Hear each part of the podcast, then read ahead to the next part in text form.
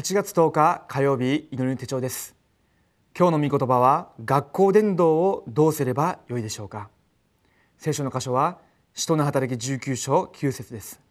しかしある者たちが心を堅くなにして聞き入れず改宗の前でこの道を罵ったのでパウロは彼らから身を引き弟子たちをも退かせて毎日ツラノの行動で論じた。私がどのようにして自分の通っている学校を福音化することできるでしょうか。実際日本の学校で宗教教育だとかそういったことは法的に禁じられているでしょう。じゃあ学生たち一人一人が自分の友達や先生たちにどのようにして福音伝えることできるでしょうか。伝道運動の始まりは祈りです。自分の学校に向けた神様の計画神様の御心それを抱いてキリスト神の御国精霊の満たし初代教会が握った契約を握って祈り始める時に神様が精霊の満たしを与えてくださいます。その時間神様が伝道の門を開いてくださいます。今日私たちが読んだ使の働き19章9節がありますけれどもその前に1節から8節の中でパウロが少数の弟子たちと会ってあなた方はキリストを信じた時に精霊の満たしを受けたかとそのふうに聞きました。精霊による洗礼を受けたかと。どういうことでしょうか。その弟子たちがまだ精霊の満たしを受けたことがありませんでした。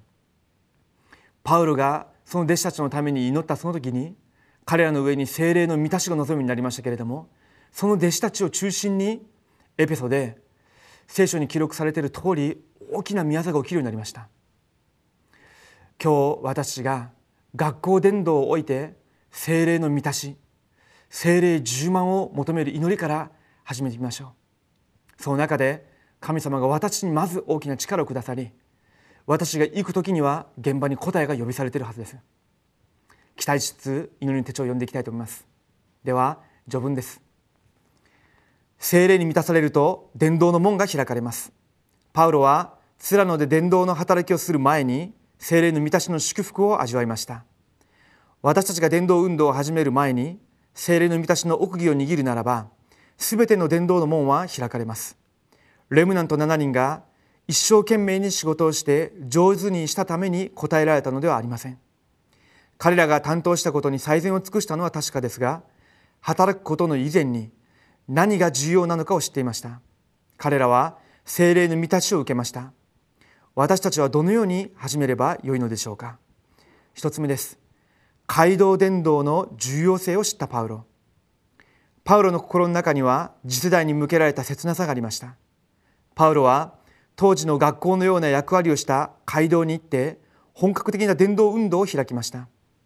安息日に合わせて街道に行って聖書の御言葉を説いて説明しましたが特にイエスがキリストであるという福音の確信を伝えました。面の地域でもまた若い次世代を対象に本格的に御言葉運動を始めました。次世代の現場を訪れたパウロは神様の御言葉を伝えましたが特に問題についての回答を明かししながら出会いを通して個人に正確な答えを与えました。当時ユダヤ人の街道には多くの人材が集まってたしそこで子どもたちの教育もしてました。パウロは自分自身がユダヤ教のその街道でパリサイ人として聖書の御言葉も実践して暗記してと本当に熱心に仕えてたものでした。ですけれどもイエスがキリストであるというその秘密を知らないで自分の霊的な問題の中で苦しんでいたものでした。そのような自分の過去があったのでユダヤ人のその街道で集まって聖書も暗記して実践して熱心に教育はするもののキリストと出会うことができないまま死んでいく次世代の魂たちを見て切ない思いを持っていました。多くの人材がいながらも今もイスラエルの民たちが滅びていくその姿を見て何とかしてこの者たちに福音を伝えようと思っていました。私たちが自分の学校の現場を見ながらそのような思いを持って祈り始めるんであれば神様が私にまず精霊の満たしをくださいますし神様が伝道の門を自ら開いてくださいます。その時に私たちがイエスがキリストであることを伝えてキリストがどのように私の人生に回答になるのかそのことをお明かしさえしてあげればいいです。その時に神様が精霊で働かれるはずです。では今日の2つ目です。隠された弟子。福音の核心であるキリストの御言葉を通して伝えると隠された弟子を見つけることができます。普段精霊の満たしの祝福を味わうと次世代の現場である学校で起きる伝道の大きな答えを見るようになります。弟子は神様が確実に隠しておられるため見つけにくいものではありません。福音だけ正確に伝えると弟子が出てきます。こうすると福音伝道を始める完璧な時刻表を発見するようになります。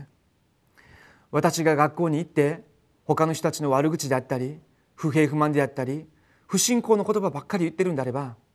その中から弟子を見つけることできるでしょうか。同じ色のお友達ばっかり会うようになるでしょう。ですけれども私が本当にその学校の現場を見て切なる思いで福音をどのようにしたら伝えることできるか。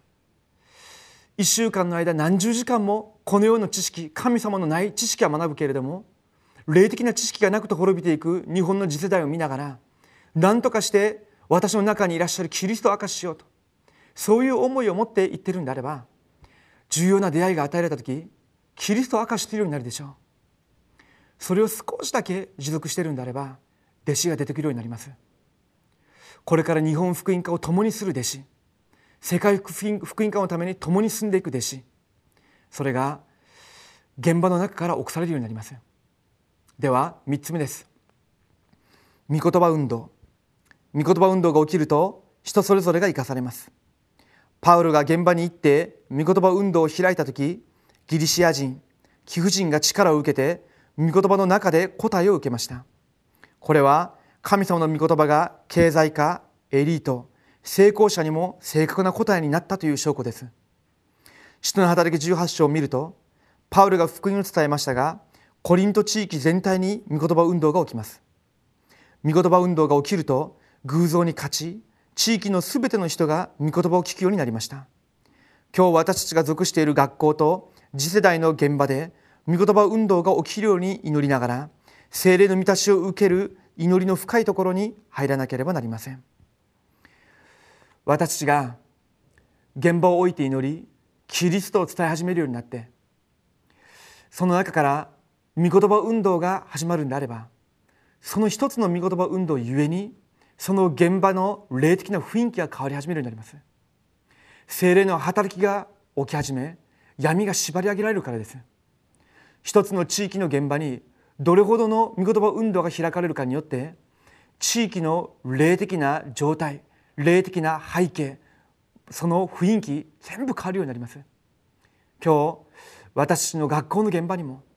本当に初代教会で起きた御言葉運動が起きるように共にお祈りしたいと思います。では今日のフォーラムの主題です。普段精霊の満たしの祝福を味わっていますか？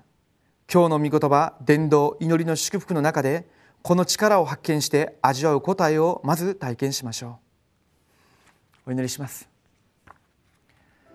生きておられる神様に感謝を捧げます。今も主が私と共にいらっしゃいますけれども私たちが今通っているその学校の現場を生かすために私の力では何もすることができないので今日私一人一人に精霊の満たしを与えてください。精霊の力をまず私自身に与えてくださり今日私が行くその学校の現場に精霊様の働きが起きるようにしてください。そのために祈りに専念することができる祈りの力を与えてくださり私が学校に行く時に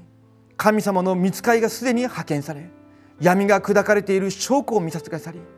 その出会いの中でキリストだけを明かしすることができるように神様今日も私と共にいて働いてください。学校の現場で御言葉運動が開かれ学校の現場を生かしていく神様の願いが私が学校に通っているその期間を通しながら成就するようにしてくださり弟子が起こされ弟子が残され継続してその学校の現場を生かしていく。伝道運動がなされるようにしてください。生きておられるイエス・キリストの皆によってお祈りします。アーメン。